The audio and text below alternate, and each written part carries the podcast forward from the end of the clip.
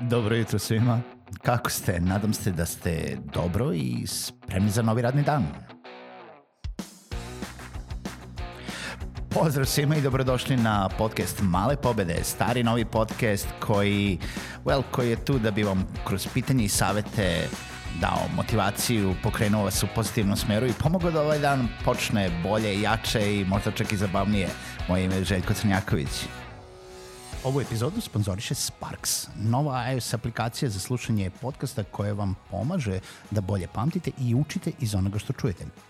Ako ste kao ja slušate puno podcasta i audio sadržaja, a često u slušanju čujete neki deo koji vas dodatno inspiriše, zaintrigira ili vam jednostavno zvuči genijalno, kroz Sparks možete tokom slušanja memorisati mesto na kojem čujete nešto zanimljivo i još dodati sebi neku poruku, misao ili komentar – Sačuvane sparkove možete pregledati zasebno i uz jedan klik se vratiti nazad na deo koji vas je inspirisao.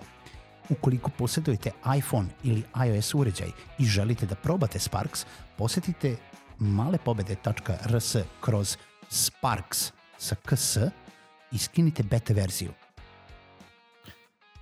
Pozdrav svima, dobro jutro i dobrodošli u još jednu epizodu podcasta Male pobede. Moje ime, kao što je uvod rekao, jeste Željko Crnjaković i u ovoj epizodi Malih pobeda u nastavku ove neke nedelje gde sam počeo da pričam o preduzetništvu i tako će i ostati do kraja nedelje, želim da se osvrnem na temu koja je nekako protutnjala i koja nisam protutnjala, uvek je aktuelna. Znači, da li treba da se iseliti zemlje, e, da li razmišljate o tome, da li je stvarno to rešenje i sa svime onima što se dešava gde vi stojite, gde ja stojim. Ja ću pokušati da budem pristrasno nepristrasan e, u tom smislu jer nema tu pravog rešenja. U stvari ima.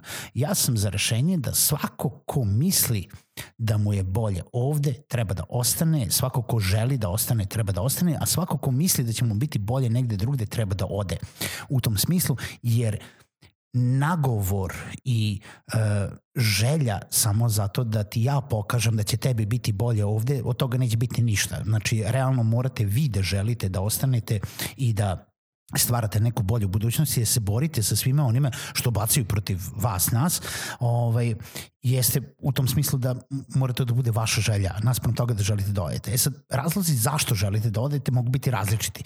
Um, jel sa svime onime što se dešava sad sa preduzetništvom, sa paušalom, sa, sa porezima, sa stanjem u državi, sa m, vlastima, sa nevlastima i kako god, uvek je postojala priča o tome da, je bolje, da bi bolje bilo da se ode.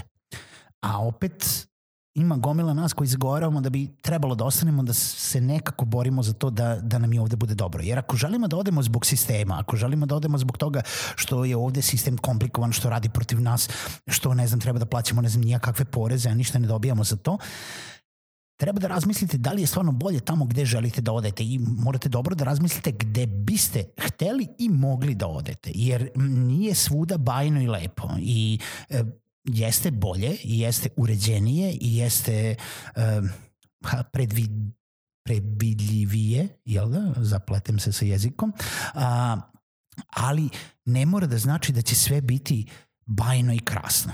Znači, negde su porezi mnogo veći u odnosu na to da su trenutno, recimo, jedno od rešenja, ako ste bili paušalac, pa sad morate da otvorite deo firmu i preći ćete sa, ne znam, 10% na 30% poreza ovaj, na profit, morate da znate da u nekim zemljama gde bi otišli postoji i zemlje gde vam je i 50% poreza na profit za pravna lica, dok je obrnuto 10% za, za fizički jel da, lični dohodak i prihod.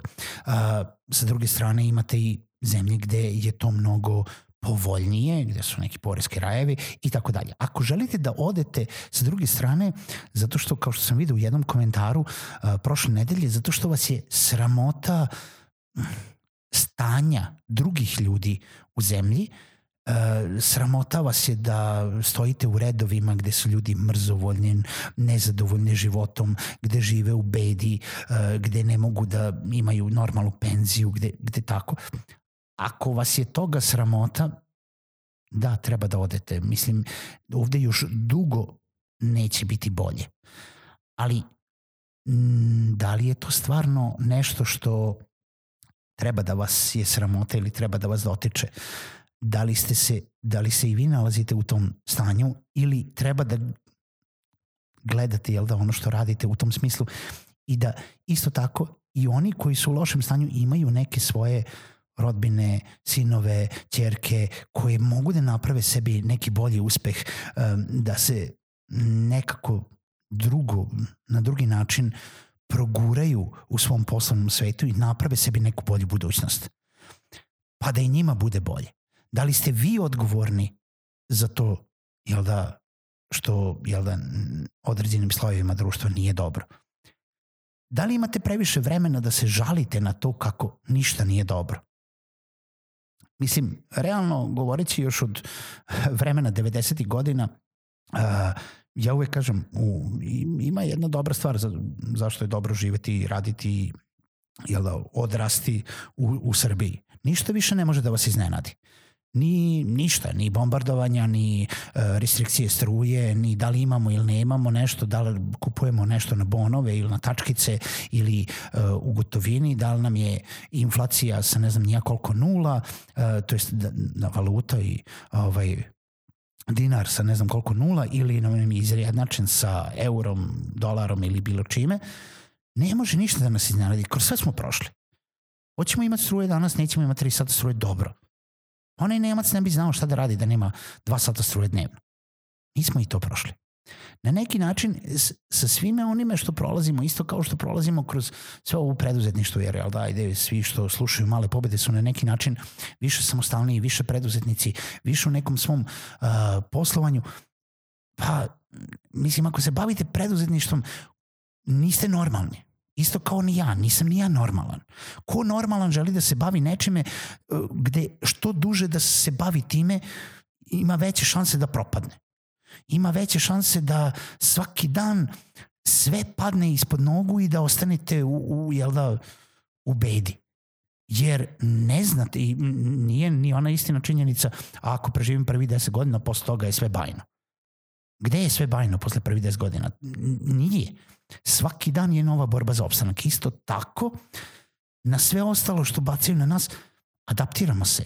Nađemo načina da modifikujemo način na koji gledamo na to, rešavamo probleme i adaptiramo se.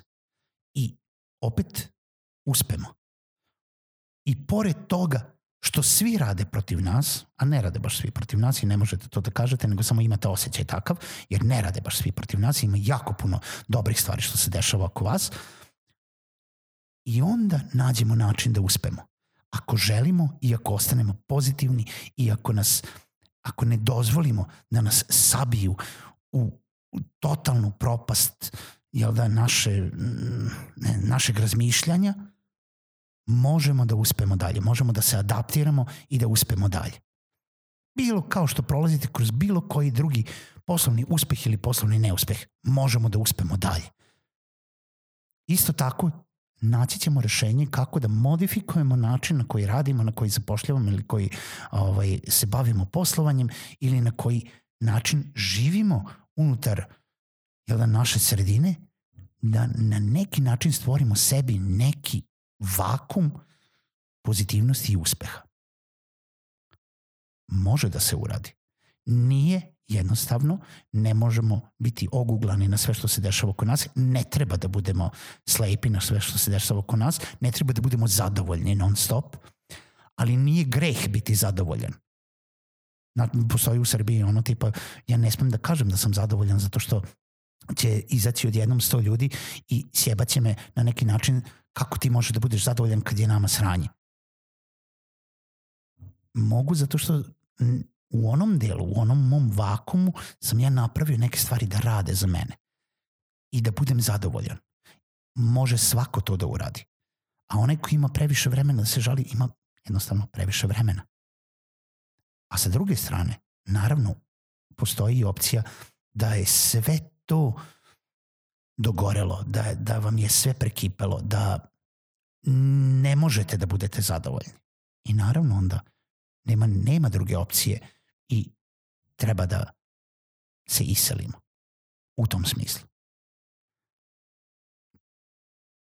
Razmislite o tome. Mala pobeda jeste da ostanemo pozitivni. Čitao sam negde neki tekst oko toga kako se neko žali oko toga zašto mi svi govore da budem pozitivan ja želim da budem negativan, ja želim da i, ovaj, izrazim svoje nezadovoljstvo.